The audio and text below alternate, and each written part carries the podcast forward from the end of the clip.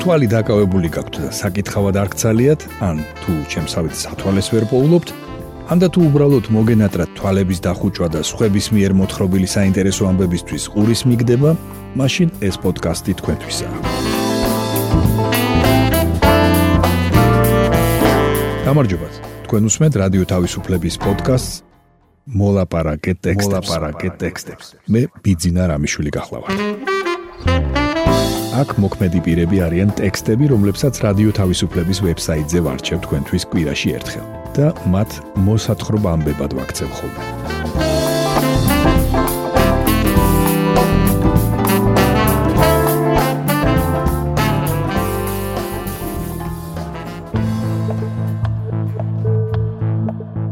გესაუბრებით გამოჩენილ ამერიკელ მსახიობზე ჯონ მალკოვიჩზე. მოგითხრობთ, როგორ აკრძალა სტალინმა ნაძვისხე.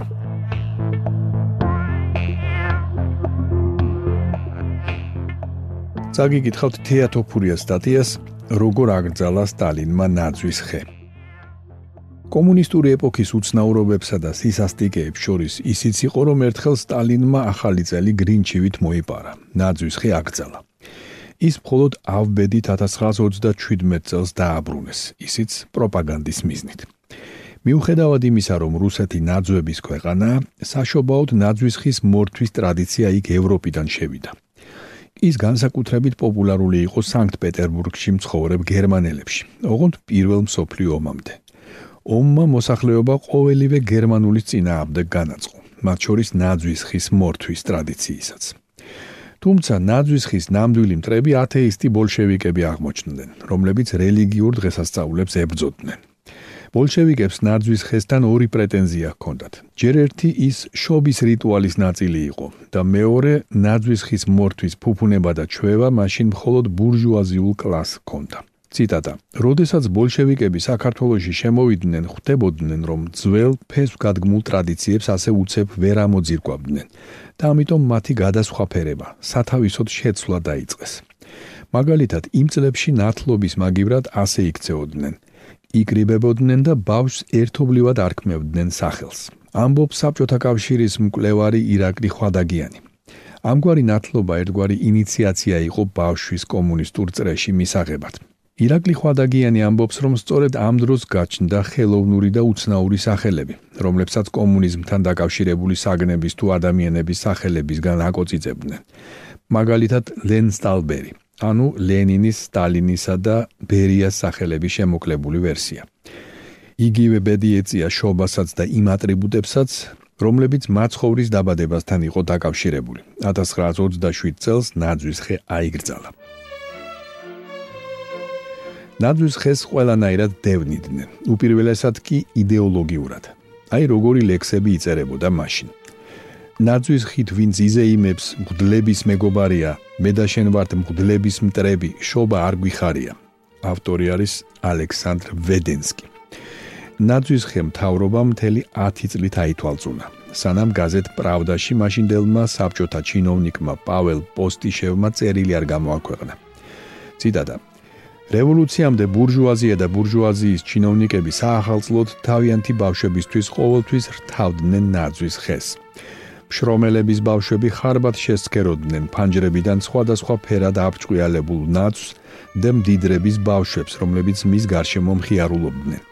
ჩვენი სკოლები, საბავშვო ბაღები, ბაგები, ბავშვთა კლუბები, პიონერთა სახლები, საბჭოთა ქვეყნის მშრომელების ბავშვებს ამ სიამოვნებას რატომ აკლებენ? ციტატის დასასრული. პოსტიშევი წერდა: ამიერიდან ნაძვის ხე ყოველას უნდა ჰქონდეს, ყველგან უნდა დადგანო. ციტატა: არ ღირს ის იმ ადამიანად მივიჩნიოთ, რომელსაც ნადვის ხის დაბრუნებას უნდა ვუმადლოდეთ. ამბობს რადიო თავისუფლების მოსკოვის ბიუროსთან საუბრისას ელენა დუშეჩკინა. ავტორი მონოგრაფიისა რუსული ნაძვის ხე: ისტორია, მორფოლოგია, ლიტერატურა. ხრუშჩოვი თავის მემუარებში ყვება, როგორ მგზავრობდა სტალინთან და პოსტიშევთან ერთად მანქანით. და პოსტიშევმა თქვა: ნაძვის ხე ხომ არ დავაბრუნოთ? ხომ არ დავწეროთ ამის შესახებ? რაზეც სტალინმა უპასუხა: დაწერე ციტატის დასასრული პოსტიშევის სტატია პრავდაში დაიბეჭდა 1936 წლის 28 დეკემბერს მანამდე ნოემბერში სტახანოველების შეკრებაზე სტალინმა განაცხადა ცხოვრება უფრო კარგი გახდა, უფრო მხიარული ამხანაგებო. ნაძვის ხის ამნისტიაც ამ კარგი ცხოვრების გამოძახილი იყო. ნაძვის ხე დაბრუნდა, მაგრამ უკვე არა შობის, არამედ ახალი წლის აღსანიშნავ ატრიბუტად. რა თქმა უნდა, მას ისე არ თავდნენ, როგორც ევროპაში. საბჭოთა ნაძვის ქვეშ არ ეწყო ყრმა იესოს, მარიამისა და მოგვების ფიგურები. არც ბაგაში მყოფი ხარებისა. იქ ახლა დედ მოროზი და სნეგუროჩკას ახლობდნენ. ნაძვის წვერზე დამაგრებული ვარსკვლავი კი, რომელიც ბეთლემში მაცხოვრის შობისას გამოჩენილ ვარსკვლავს განასახიერებდა, საბჭოთა ხუთქიმიან ვარსკვლავად გადაიქცა. ციტატა: როდესაც ნაძვის ხის დადგმა დაუშვეს, ყველა დაიბნა. არიწოდნენ მასზე რა ჩამოეკიდათ. შეიძლებოდა თოვლის ბაბუის დადგმა ნაცვთან. ადრე ისიც აკრძალული იყო. ან გაურკვეველი წარმოშობის სნეგუროჩკის დადგმა თუ შეიძლებოდა. მერე თანდათან ყველაფერი დაალაგდა. უצინარი სათამაშოების, ბურთების, ვაშლების, კამფეტების გვერდით იდეოლოგიური სათამაშოებიც გამოჩნდა. ორთქმავლები, სტრატოსფერული ბუშტები, მერე თანამგზავრებიც კი, ამბობს ელენა დუშეჩკინა. ნაძვის ხეზე კიდებდნენ სათამაშოებს წარწერით SSRK, კოსმონავტებს, რაკეტებს, პარტიული ლიდერების ფოტოებითაც კი დაამზადეს სათამაშოები. ბალალაიკა, დედმოროზი, სნეგუროჩკა, ყველაფერი ეს სხვადასხვა ხალხების გამოცდილებიდან აიღეს და ისე წარმოაჩინეს თითქოს თავიდანვე ასეთი დანიშნულება ჰქონდათ. პირველ წლებში რეჟიმი ასე მოქმედებდა თუ რაღაცის განეიტრალება უნდოდა. მის ფორმას ინარჩუნებდა და სხვა შინაარსით ანაცვლებდა. ამბობს ირაკლი ხვადაგიანი. დედმოროზი პირველად 1927 წელს გამოჩნდა. რუსულ ტრადიციულ ტანსაცმელში ჩაცმული თეთრწვერა ბაბუა საჩუქრებით სავსე ტომრით. ამის შემდეგ საბჭოთა კავშირის მთელი არსებობის მანძილზე ბავშვებს ახალ წელს სწორედ დედ მოროზი ulოცავდა და არა სანტა კლაუსი, რომლის პროტოტიპი წმინდა ნიკოლოზია. ციტატა: რატომ მაინც და მაინც 1937 წელს? იმიტომ რომ ეს წელი საბჭოთა კავშირში პოლიტიკური რეპრესიების წელია. მათ შორის ეკლესიასაც ებრძვიან. ამიტომ საბჭოთა ხელისუფლებისთვის აუცილებელი იყო ეკლესიის გავლენა, საეკლესიო ტრადიციების შობის აღნიშვნა მინიმუმამდე დაიყვანა. ძირითადი იდეა ის იყო, რომ ხსოვნიდან ამოეშალათ წმინდა ნიკოლოზი, რომელიც საშობაო ტრადიციებს უკავშირდებოდა. ამბობს რადიო თავისუფლების უკრაინულ ბიუროსთან საუბარში სერგეი რაბენკო, უკრაინის ნაციონალური მეხსიერების ინსტიტუტის ყოფილი თანამშრომელი. 1937 წლის შემდეგ ნაძვის ხედა დედ მოროზი უკვე ყველა პროპაგანდისტულ ინსტრუმენტზე ჩანდა. ციგნებში, ღია ბარათებზე, პლაკატებზე, მულტფილმებში, საბჭოთა კავშირის დაშლის შემდეგ ყოფილ რესპუბლიკებში იგი მალევე ჩაანაცვლა სანტა კლაუსმა. მე წაგიკითხეთ თეატოფურიას სტატია როგორ აკრძალა სტალინმა ნაძვის ხე.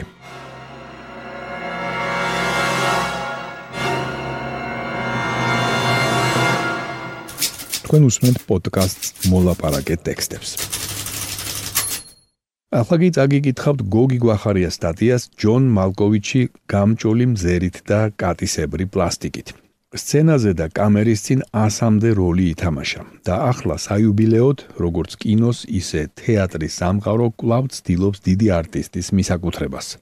ვერ იყოფს მას და თავისად აცხადებს, თუმცა ბევრი სხვა მსახიობისგან განსხვავებით, მალკოვიჩს არ ქონია სურვილი განსხვავებულად ეთამაშა კინოსა და თეატრში. სასცენო ხელოვნების გამოცდილებას იყენებდა გადასაღებ მოედანზე და პირიქით. არც არასდროს უცდია თეატრის განდევნა ეკრანულ სახეებში, რომელთა მრავალფეროვნების საიდუმლო დღემდე აუხსნელი რჩება.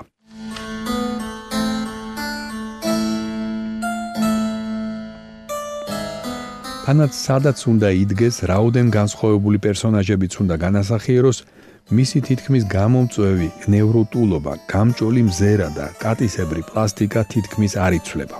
ასეთი მოვიდა კინოში და ასეთია დღეს. ამას წინათ YouTube-ზე აღმოვაჩინე ჯონ მალკოვიჩის ერთ-ერთი ყველაზე ადრეული ნამუშევარი პოლ ნიუმენის ფილმში შუშის სამხეცე, რომელიც რამდენადაც უცნაური უნდა იყოს, სოფლიო პრემიერიდან რამდენიმე თვის შემდეგ გაახმოვანეს და საბჭოთა კინოთეატრებში გაუშვეს. ეს იყო ჩემი პირველი შეხვედრა დიდ მსახიობთან. რუსულად გახმოვანებულ ფილმში არის მოდა მისი ოდნავ ხრინწიანი ხმა, მაგრამ ამ როლის დაიწყება შეუძლებელი იყო. ხანდახან გონია რომ ტენესი უილიამსმა ტომის როლი მალკოვიჩისთვის დაწერა. შუშის სამხედრე არაერთხელ უთამაშია საქართველოში. ლაურა მთავარი გმირი სპექტაკლისა, რომელიც დიდი ხნის წინ დაიდგა რუსთაველის თეატრის მცირე სცენაზე, ბელა მირიანაშვილის უკანასკნელი როლია. მიუხედავად იმისა, რომ პიესის მოქმედება ერთ ჩაკეტილ სივრცეში მიმდინარეობს, შუშის სამხედრე ხუთჯერ შეიძლება მეტჯერაც გადაიტანეს ეკრანზე. ნიუმენის ფილმის ნახვის შემდეგ მოკლე ხანში მოვძებნე პიესის ყველა ეკრანიზაცია. მათ შორის ენტონი ჰარვის ფილმი, რომელშიც დედის ამანდას როლს კეთრინ ჰებბერნი ასრულებს. ეს საუკეთესო ამანდაა. ისევე როგორც საუკეთესოდ ვთვლი ბელა მირიანაშვილის ლაურას და ჯონ მალკოვიჩის ტომს, ლაურას ძმას და პიესის მთხრობელს. ამ როლის განსახიერების შემდეგ ჯონ მალკოვიჩს მარლონ ბრანდოს ადარებდნენ. გაგახსენებთ, რომ ბრანდომ და ვივიენ ლიმ ჯერ კიდევ 50-იანი წლების დასაწყისში ითამაშეს ტენესი უილიამსის ყველაზე პოპულარული პიესის ტრამვაი სახელად სურვილის ეკრანიზაციაში. 1954 წელს დაწერილი შუშის სამხეცე პირველი პიესაა, რომელმაც მწერალს წარმატება მოუტანა. ფაქტობრივად ავტორის ბიოგრაფიაა. ტენესი უილიამსაც ვერ აეწყო ურთიერთობა მშობლებთან. მასაც ყავდა ნევროტიკი და, რომელსაც ტვინის ოპერაციაც კი დასჭირდა. ისიც აგროვებდა შუშის სათამაშოებს და მანაც დატოვა პროტესტის ნიშნად მშობლების სახლი. ეს მინის სამყარო სათამაშოები, რომლებსაც პიესაში აგროვებს ლაურა, როგორც უფრო გამჭვირვალეთ, განწმენდილად დანახული რეალობა, ერთგვარი თავშესაფარია მარტოსული გმირისთვის. ლამაზია, მაგრამ ერთი ნაკლი აქვს. ადვილად იმსხრევა, როგორც ყველა ილუზია.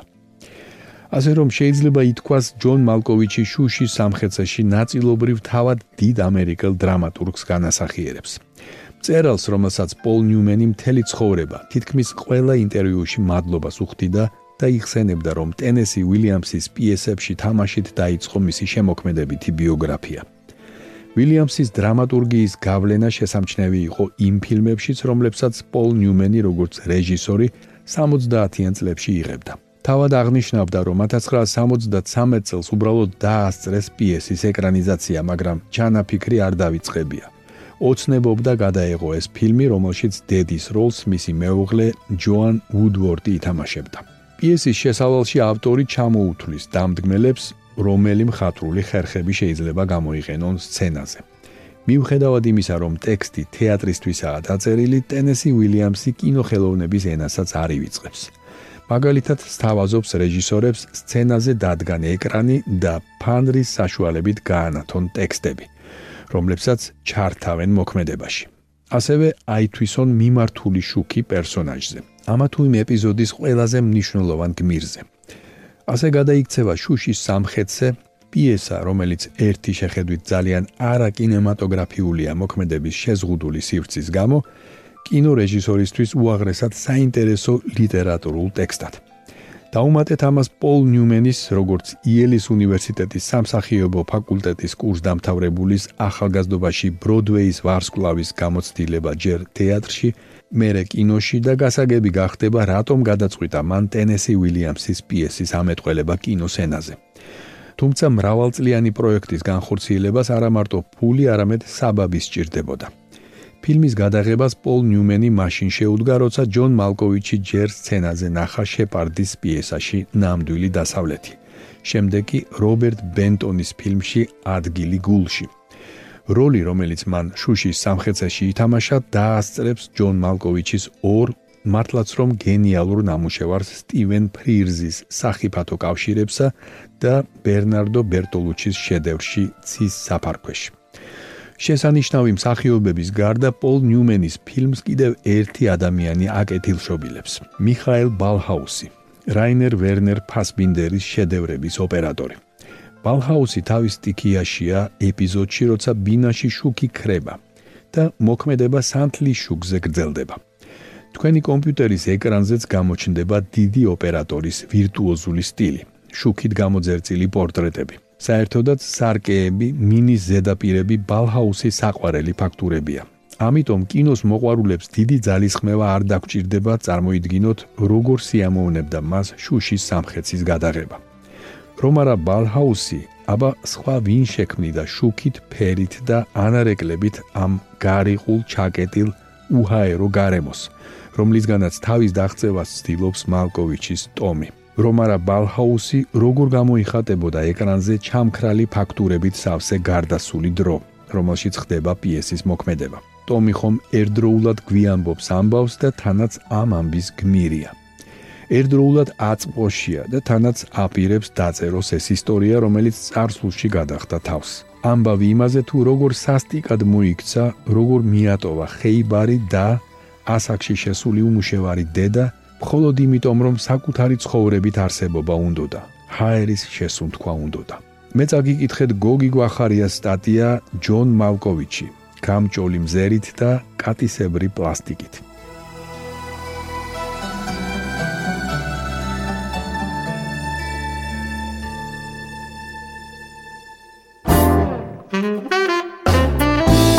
თქვენ მოისმინეთ რადიო თავისუფლების პოდკასტი მოლაპარაკე ტექსტები. მე კვირაში ერთხელ ვარჩევ რადიო თავისუფლების ვებსაიტზე გამოქვეყნებულ ტექსტებს და მათ მოსათხრობამდებად ვაქცევ ხოლმე.